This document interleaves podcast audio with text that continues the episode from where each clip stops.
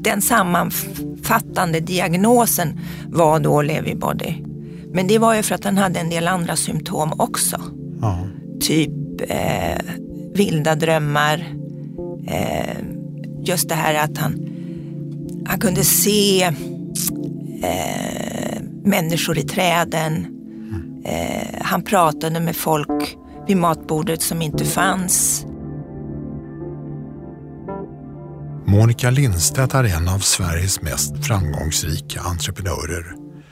Hon är initiativtagare till hela RUT-reformen och hon är grundare till storföretaget Hemfrid.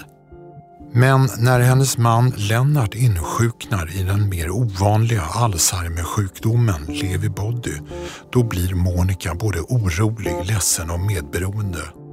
För vad säger man till sin man sedan 40 år tillbaka när han ser okända människor i träden? Börjar prata med någon i rummet som inte finns eller en som har fruktansvärda mardrömmar. Jag heter Henrik Fränkel och jag fick påsken 2019 diagnosen kognitiv svikt. Och jag vill med den här poddserien göra en upptäcktsfärd in i vår tids kanske mest ökända och stigmatiserade sjukdom. Jag ska träffa människor som kan hjälpa mig att förstå den sjukdom som drabbar 20 000 svenskar varje år, som har funnits i över 100 år och som ingen överlever.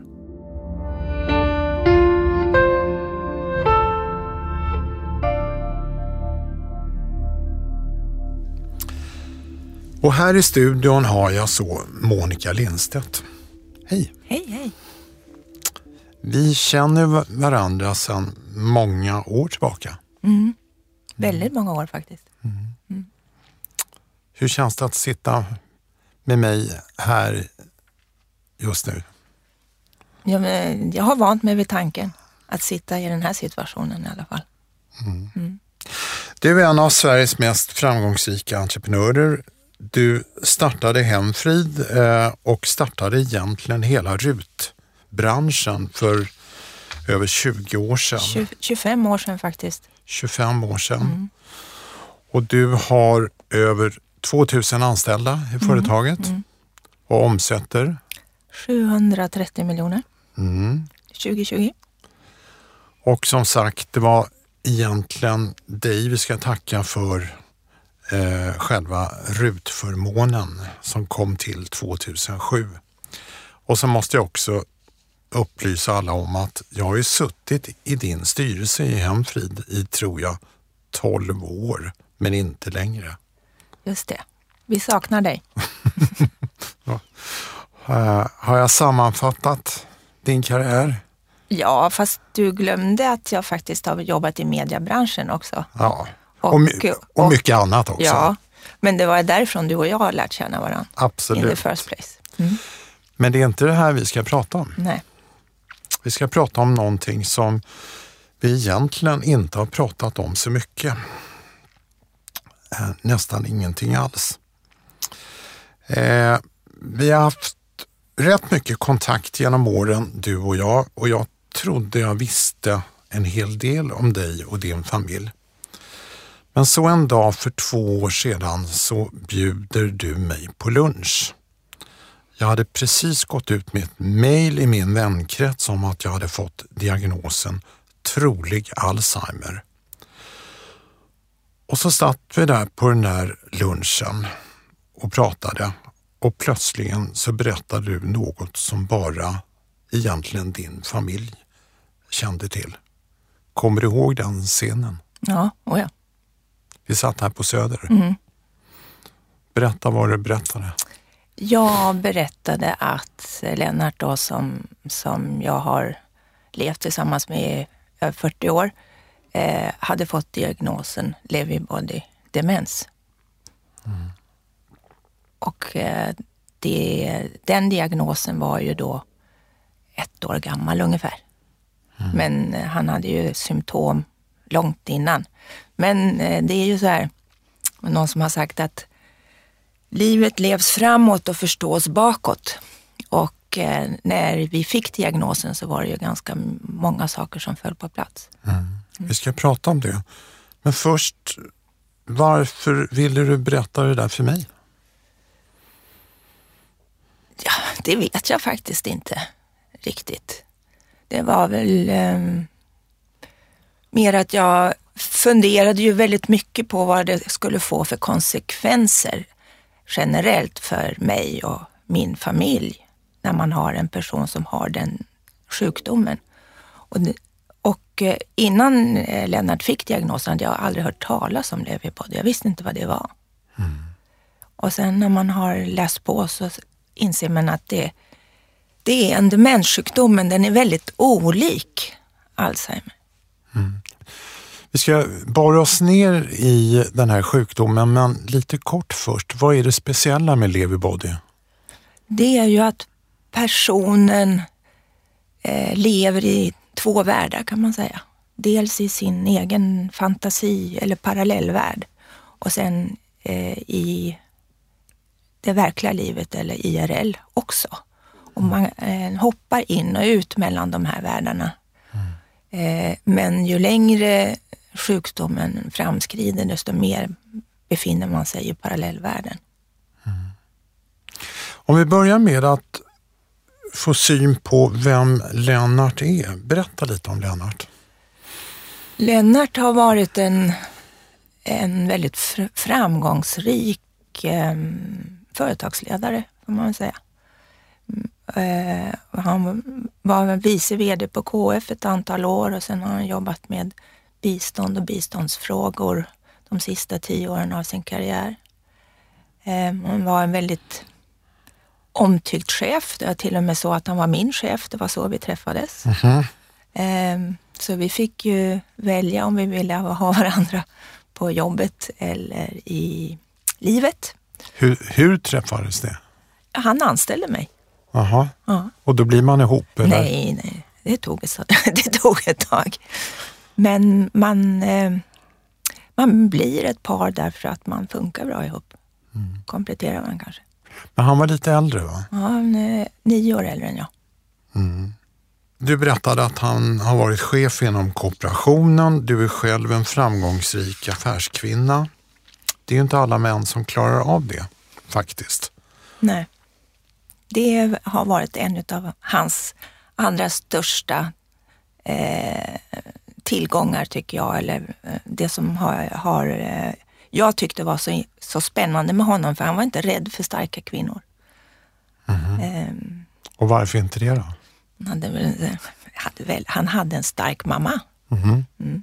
Som, vad, vad gjorde hon då? Nej, hon, hon var hemmafru, men det var en stark person som mm. gav honom eh, väldigt mycket kärlek och uppmärksamhet och eh, danade honom, skulle jag vilja säga, många stycken.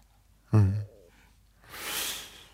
Men framgångssaken Hemfrid drev du helt ensam egentligen? Ja, absolut. Han ville inte ha med den att göra. För att? Dels så tyckte han att det var min grej, han hade sitt eget. Eh, och sen var det ju politiskt kontroversiellt. Mm. Det var väldigt kontroversiellt i början. Och kooperationen står nära socialdemokratin. Ja. Det, var, det var svårt. Mm. Just det. Och ruttjänster? Ja, det var ju väldigt ifrågasatt. Mm. Eh, och eh, lite skämmigt. Men det intressanta var att man pratar ju aldrig om det högt. Men det var ju många kretsar på det viset. Jag funderade ju mycket på varför journalisterna aldrig tog upp den här frågan. Men det förstod jag ju sen att de hade ju svart hjälp själva så det var ju inte så lätt då. Mm. Och liksom eh, göra grävande reportage om sånt. Nej. Eh, och, eh, men när jag startade Hemfrid så, så blev det så intressant att alla kom och, inte alla, men väldigt många kom och pratade med mig om att ja, vad skönt, jag har faktiskt en svart eh, hjälp men jag vill bli vit. Liksom, så mm. så att det, det, alla visste men ingen sa, typ. Mm. Och nu har den här branschen kan man säga blivit vit. Men nu ska vi prata om Lennart. Eh, hur märkte du först att det var något fel eller konstigt med honom? Nej, det första som jag tänkte på, det var att jag, eller jag upp, upplevde det som att han hörde dåligt. Mm. Det var som att det var en bugg i systemet eller det tog en stund innan han på något sätt förstod vad man sa. Men det var ibland. Mm. Långt ifrån alltid, men ibland. Och när var det då, i tiden? Det är nog 15 år sedan. Mm. Så länge sedan. Och vad tänkte du då? då? Nej, jag sa åt honom att han ska gå och testa sin hörsel. Mm. Men han ville aldrig göra det. För att? Det vet inte jag. Mm. Eh, men jag gissar att han, han insåg själv att det var något. Mm. Och sen då? De fortsatta tecknen? Nej men det var ju att han,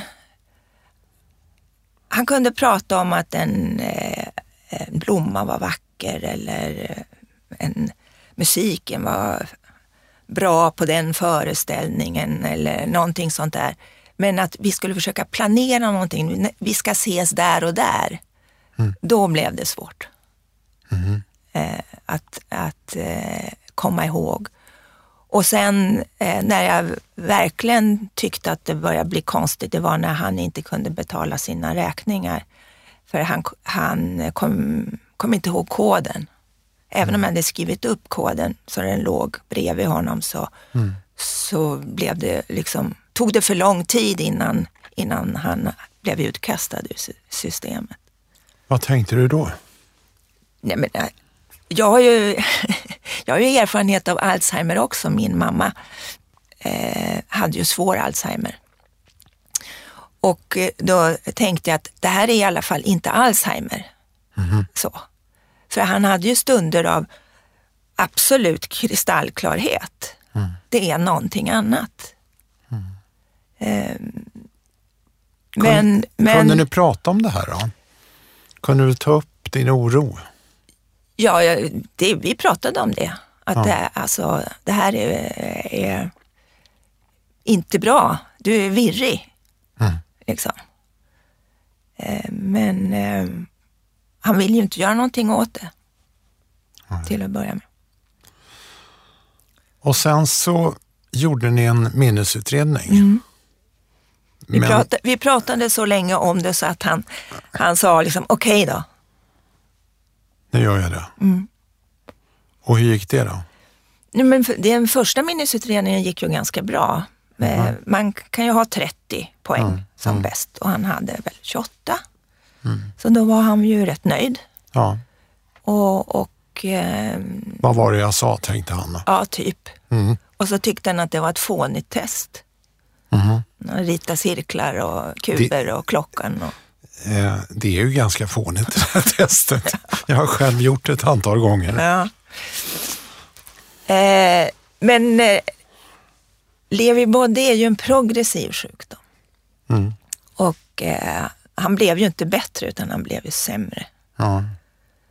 Och eh, till slut så, så eh, fick han eh, en eh, tid på geriatriken mm. och fick göra nästa minnestest. Mm. Och det var ju ett halvår senare. Mm. Och då, då skårade han 16. Oj. Mm. Oj. Och då förstod, då förstod ju läkarna att det här är inte bra. Mm. Och då fick han ta sådana här ryggmärgsprov också. Och det visade? På, eh, eller den sammanfattande diagnosen var då Lewy body. Men det var ju för att han hade en del andra symptom också. Ja. Typ eh, vilda drömmar, eh, just det här att han han kunde se eh, människor i träden. Mm. Eh, han pratade med folk vid matbordet som inte fanns. Eh, det ja, en massa konstiga saker. När han och jag skulle äta middag, barnen är utflugna sedan länge, då dukade han alltid för tre. Mm. Och jag sa, men vi är ju bara två. Ja, visst ja, sa han. Liksom, så, här, så det var en massa sådana här liksom, lite lustiga saker. Mm. men det samman, sammantaget då eh, gjorde att de ställde diagnosen leverbody. Och vad, vad tänkte eller vad kände ni när ni fick den diagnosen? Jag tror inte att Lennart ville tänka. Jag tror han sköt undan det. Det går så länge det går, typ. Mm. Men jag blev ju rätt orolig för vad, vad, liksom, vad betyder det här? Måste vi byta liv? Ja. Um, hur länge klarar vi oss? Hur länge kan han bo kvar hemma? Ni fick diagnosen för tre år sedan. Mm.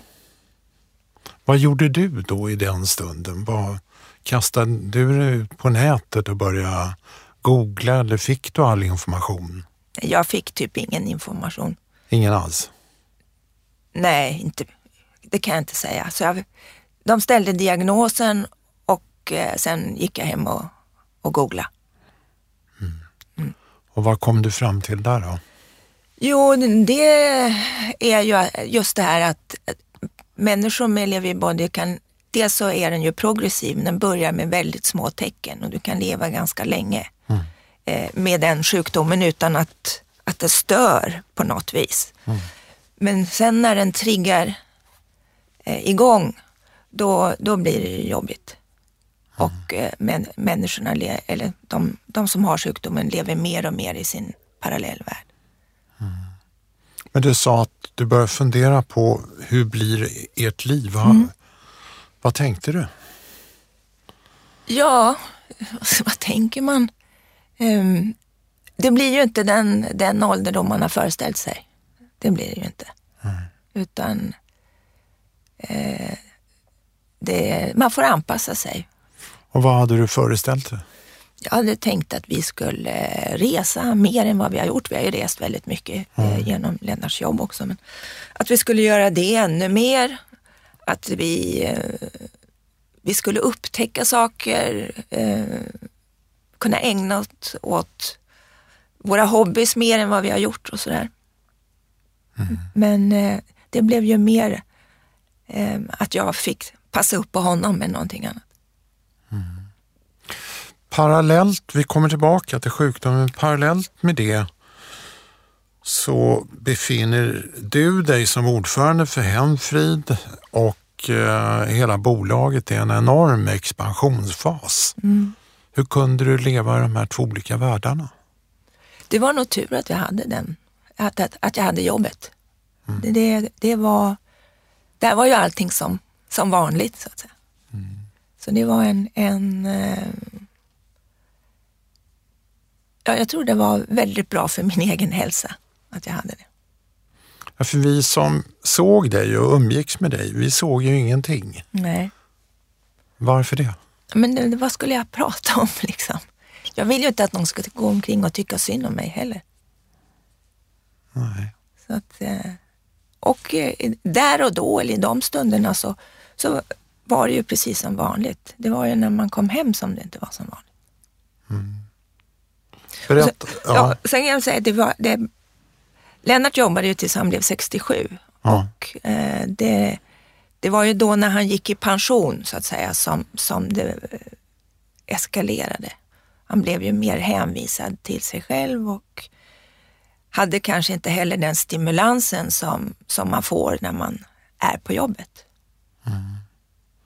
Du sa att det var när jag kom hem som det började hända saker. Vad hände när du kom hem då? Nej, han kunde han, sitta vid köksbordet och titta på TV på samma sätt som han gjorde när jag åkte. Mm. Um, han packade, alltså kunde packa eh, som om han skulle resa bort varje dag. Och då frågade jag, var ska du någonstans? Ja, men ska vi inte åka nu? Vart då? Ja, just det. Liksom, det blev ju som Kafka-diskussioner får man väl säga. Mm. Hur hanterar man det då? Ja men alltså det måste ju lösas. Eh, man får hantera det. Men vad då? Vad, gör man då? Ja, men jag, jag försökte engagera honom och, och, som tur var så, vi har ju hund, eller hundar Så mm. de, var ju, de skulle ju ut, så han tvingades ju gå ut varje dag. Mm. Och, och, det blev liksom hans ansvar och det tycker jag att han tog eh, ganska bra eh, till att börja med. Men sen ju, ju sämre han blev desto ja, kunde han ju glömma bort att de skulle gå ut eller att de skulle ha mat och så. Ja. Berätta mer om det här med mardrömmarna och hallucinationerna. Vad, Ja, alltså jag kunde ju vakna av att han eh, liksom pratade i sömnen och slogs liksom i sömnen med någon, någon fiende som inte jag visste vem det var. Mm. Eh, och eh, alltså överhuvudtaget så väldigt oroligt. Och man blir ju som när man har spädbarn, man vaknar ju så fort de liksom krafsar på lakanet. Mm. Så. förstod du vad som hände i honom och i hans huvud? Kunde du följa liksom sjukdomen? Ja. Alltså, den, den är, det är olika faser. Om, om det var så att det började med att han tappade orden, att det var som att det blev en bugg i systemet, så fick han ju så småningom svårare och svårare att, att prata själv. Även om även om eh, han hängde med liksom, i diskussioner. Men han sa nästan rätt, men ändå fel. Så mm. det kunde ju bli väldigt konstigt mm. och väldigt konstiga svar mm. eh, på saker och ting. Och sen blev han, från att ha varit en, en, en ganska kraftfull och initiativrik och nästan lite dominerande person, så blev han ju liksom ängslig och, och eh, försiktig och trodde att någon övervakade honom och, och så. Mm. Eh, så att han, han blev ju personlighetsförändrad, men inte över en natt. Nej. Hur var det för dig att leva med någon som helt plötsligt byter personlighet? Det där var ju inte riktigt Nej, den man du inte, träffade? Nej, nej, absolut inte. Nej, men det var ju inte helt plötsligt att han nej. bytte personlighet, utan det kom ju gradvis. Men ändå? Ja, nej men det, det är klart att det, man funderar på vad är det här liksom. Det här men vem blev du i det läget? Jag blev, eh, fastän jag har sagt alltid att jag är inte Florence Nightingale och jag är inte Ulla-Bella sekreterare. Det är inte min sp spelplan så var det ju det jag blev. Mm. För att du var tvungen? Ja, det, det, var, det var ju det som måste till. Liksom. Mm. Mm. Du har också sagt att du blev medberoende. Vad, på vilket sätt då? Jo, men eftersom jag hela tiden eh, tänkte, alltså, ja, ska vi göra det här, då måste jag tänka på det, jag måste tänka på det, jag måste förbereda det här. Eh, han han blev ju sämre och sämre på att äta. Alltså mm. glömde bort att äta. Mm. Så att jag började göra frukost åt honom varenda morgon. Mm. För att bara se till att han fick i sig mat. Mm. Och också eh, laga mat mycket mer än vad jag vanligtvis gör därför att han, han var tvungen att äta. Mm. Och sen, vi har, vi har gjort några resor under den här tiden också, men då har jag packat hans kläder. Och det hade aldrig någonsin hänt tidigare. Nej. Hur var det att resa? Jag tror du har berättat för mig någon gång en incident i Afrika, eller ja, var det i Asien? Ja, Afrika. Vad hände? Nej, det var att vi var ju ute på resa hela familjen, alltså barn och barnbarn. Och eh, sista etappen skulle vi flyga med ett litet eh, plan med fem passagerarplatser. Och vi var tio stycken, så jag åkte med första kontingenten så att säga och Lennart skulle åka med andra. Men när de eh, skulle åka så vägrade han att gå ombord på planet därför att han trodde att han skulle bli kidnappad. Han var fullständigt övertygad om att han skulle bli kidnappad så att det där, min, min svärson var tvungen att och, eh, åka taxi i nästan fyra timmar med honom mm. för att han skulle komma fram. För det gick inte att få honom ombord. Och då var han inne i ett skov, mm. kan man säga. Och det är ganska typiskt för den här sjukdomen att den går fram och tillbaka mm. som du mm. nämnde. Eh, du nämnde det här med att man lever i två olika världar. Hur är det när man har total klarhet? Hur känns det? Men det är sorgligt. För att? Ja, men han är väldigt medveten om, om sin sjukdom då. Mm. Och eh, funderar mycket på, eh, ja, men hur ska det bli med dig, säger han. Mm. Tänker inte så mycket på sig själv då. Mm. Vad tänker du då, när han är orolig för dig? Ja, det är väl gulligt. så, um, men jag är ju rätt så kapabel person så jag är inte så orolig för mig själv på det sättet. Mm. Ni har ju då varit ihop och gifta länge. När en sån här sjukdom kommer in, hur, vad händer med kärleken och vad händer med gnistan? Ja, det är väl svårt att säga, tycker jag. Det är klart att det är ju inte som när man är nyförälskad. Mm. Det är det ju inte. Det kanske det ändå inte är efter 40, efter 40 år. Nej, det, det är sant. Nej, men det är någonting annat. Liksom. Det är väl en... Man är ju så väldigt fäst eller bunden till varandra ändå, mm. på något sätt. Det... Så det är, det är en väldigt stark relation även då, om den inte är som förut. Mm. Vad fint att höra. Ni har ett, ett gemensamt barn. Ja. Hur har hon reagerat? Alltså, vi har ju varit en, en eh, regnbågsfamilj kan man väl säga. För jag har alltid sagt vår familj har fyra barn där Lennart är pappa till två och jag är mamma till tre. Mm -hmm. Eller tvärtom. Han är pappa till tre och jag är mamma till två. Det är svårt att hålla koll på barnen. ja. Eh, men det som har varit eh, eh, bra är ju, tycker jag, i, i, vår familj, det är att, att vi har ändå varit väldigt eh, sams. Eller, och mm. barnen har varit väldigt sams. Så det är ingen skillnad egentligen. Eh, men under Lennarts sjukdomsperiod, eh, eller innan han fick sin diagnos faktiskt, så hade vi ju en väldigt svår eh, tid därför att Lennarts äldsta dotter eh, dog i cancer. Mm. Eh, och hon, hon levde bara ett år efter sin diagnos. Och hur gammal var hon? Hon var 44 när hon dog. Och den upplevelsen triggade också i eh, Lennarts sjukdom. Asså. Ja, så att han blev ju väldigt påverkad av det och eh, gick in i en depression kan man säga efter det att hon hade dött.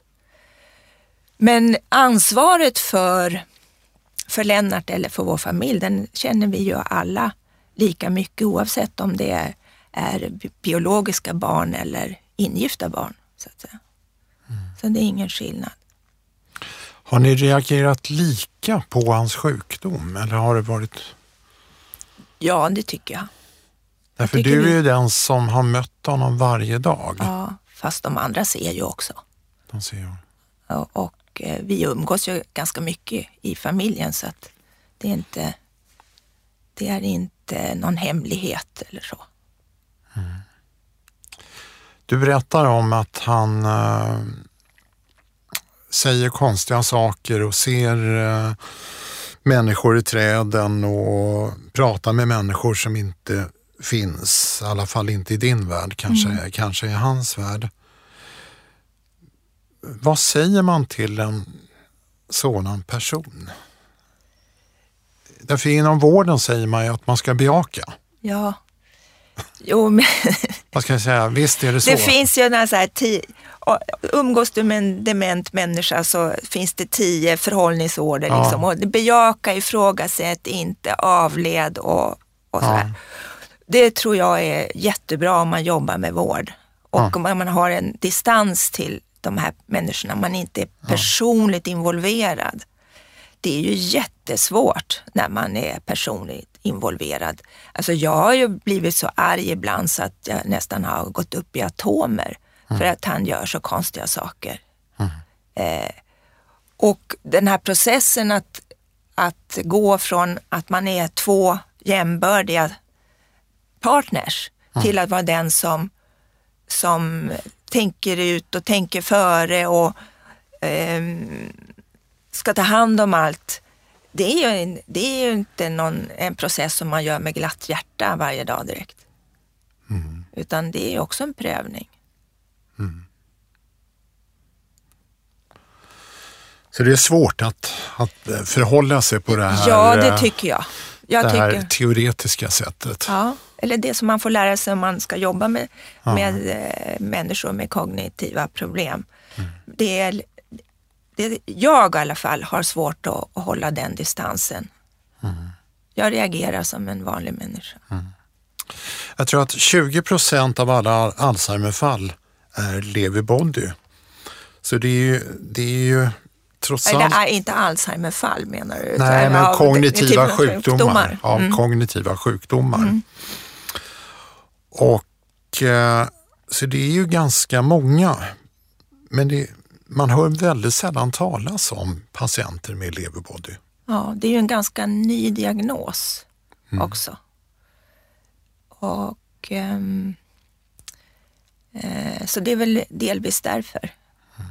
Men, men det jag kan tycka är svårt, om man tar Lennart som ett exempel, han är ju inte, han är ju inte någon som tycker det är roligt att klippa och klistra och få Mm. det, gå på, som han själv sa, vuxendagis. Mm. Det är han, han är inte ett dugg intresserad av. Han är mer intresserad av att titta på forum på TV2 på förmiddagarna.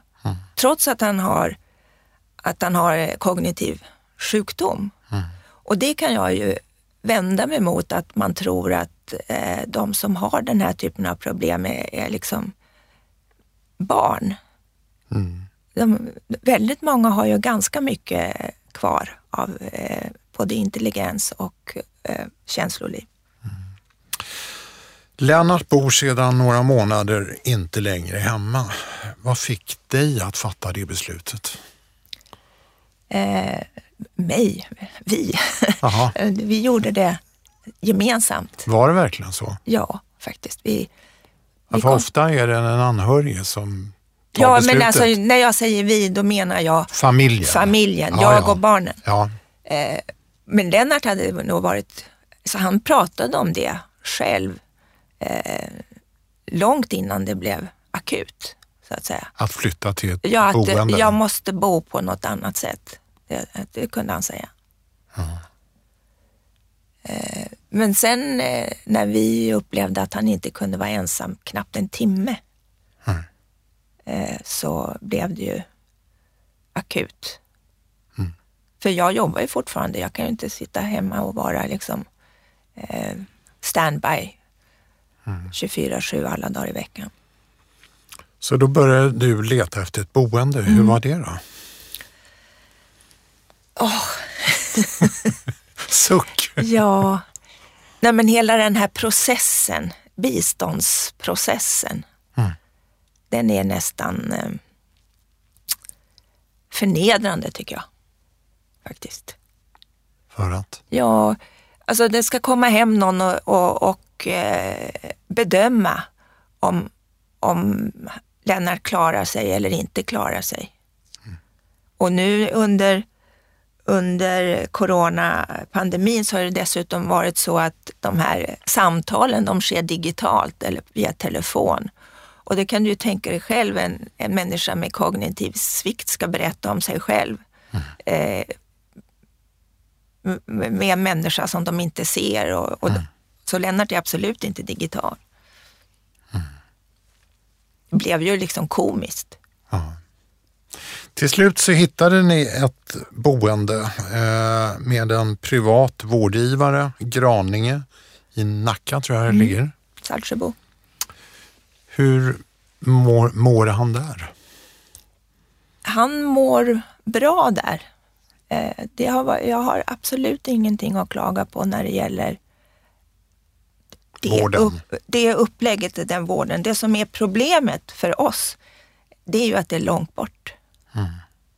Eh, så att eh, det kommer inte vara, eller det är inte en lösning på för tid och evighet. Mm. Men du sa häromdagen till mig att han var ensam, han kände sig ensam. Han känner sig lite ensam, ja. Och eh, då får jag lite skuldkänslor mm. faktiskt. Och då vill jag ju kunna finnas till hans, eller att vi finns till hans. Lite vad, enklare så att säga. Vad kan du göra? Nej men det är ju att han, vi står ju i kö för att få eh, boende närmre. Mm. Mm. Med leverbody, eller många med leverbody hamnar i depression och det mest kända leverbody-fallet kanske i världen, det är komikern Robin Williams. Eh, och de satte diagnosen först efter hans död visade det sig. Och han, eh, han drabbades av en djup depression och blev felmedicinerad och sen, tog sen livet av sig. Du har naturligtvis hört och mm. läst ja. om det. Ja. Vad tänker du om det? Ja, jag kan förstå att, att eh, eller när man har läst på så vet man ju att psykofarmaka ihop med den här typen av diagnos, det är, liksom, det är livsfarligt. Mm. Och han blev ju ett offer för en felbehandling. Robin Williams. Robin Williams, ja. Mm. Eh, sen kan man också tänka att eh, det tar så, som du har varit inne på många gånger också, att det, det tar så lång tid att forska fram eh, läkemedel. Mm. Eh, tänk om man kunde göra en sån satsning som man har gjort på vaccin till corona mm. när det gäller det här. Mm. Och att man samarbetar över länder, eh, landsgränser eller företag samarbetar och så, så att man speedar upp processen. Mm. Det borde ju vara möjligt, tänker man. Ja. Kan inte du engagera dig i det, du som är, du som är entreprenör? Kan inte det bli ditt stora, din stora legacy? Oh, den har jag väl redan bakom mig egentligen. jo, det har den. Ja. Men, men jag tycker, alltså, alltså, den här pandemin har ju satt ljuset på eh, en eh, bristfällig organisering av äldreomsorgen mm. överhuvudtaget. Mm. Och, och det är ju inte, jag har inte överallt, både när min mamma var sjuk, min pappa var sjuk och nu med Lennart, så jag har ingenting att klaga på när det gäller omvårdnaden eller, mm. eller de människorna som, som jobbar med det här. Men däremot kan man ju bli tokig på systemet. Och jag brukar säga så att om, om Scania skulle fungera som svensk vård gör eller svensk äldreomsorg gör, mm. då skulle aldrig komma ut en lastbil för det finns ingen som har ett helhetsansvar. Mm. Och någon annan har ju sagt här nu också att, att eh, eftersom Sverige inte har varit i krig på 250 år så har vi inte behövt ha någon krishantering när det gäller landet som sånt. Så, mm. Om man jämför med våra grannländer till exempel. Mm. Så att jag tror att det här kommer innebära att vi måste se över hela beslutsstrukturen när det gäller offentlig verksamhet och offentlig vård. Nu börjar jag känna igen dig Monica. nu går det igång som ja. entreprenören och den ja. som vill ställa, ställa till rätta. Ja. Men vi måste faktiskt runda av, men först måste jag fråga dig en sak. Jag har ju försökt få med dig i den här podden och prata om din man och Levi Body i eh, ja, nästan ända sedan den där lunchen. Mm. Och du har vänligt men bestämt tackat nej. Vad fick dig att tacka ja nu? Nej, men det är så att när det är för nära eller för tätt inpå, mm. eh, medan det pågår, eller pro processen pågår, då, då är det svårt att prata om det. Då är det för känsligt. Eh, nu, nu kan jag se det lite grann utifrån. Då är det lättare att prata om det. Mm. Hur kändes det att prata om det?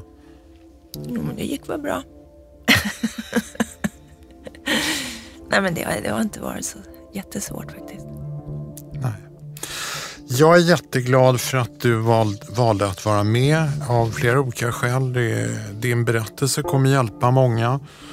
Och sen som sagt, det är väldigt ovanligt att man pratar om leverbody och fler än man tror har den sjukdomen. Och den, det är en väldigt svår sjukdom. Så tack Monica. Tack själv. Och tack till alla ni som har lyssnat. Vill ni ha ett mail när nästa podd kommer så anmäl er på poddspelarna som Podcaster eller Spotify och varför inte gå in på min hemsida alzheimerlife.se och anmäl er för de löpande nyhetsbreven. Tack ska ni ha. Bloggen och podcasten Hjälp har jag Alzheimer har också en insamling till förmån för kognitiva sjukdomar. Podden Hjälp har jag Alzheimer produceras av stiftelsen Alzheimer Life och görs på Beppo. Beppo.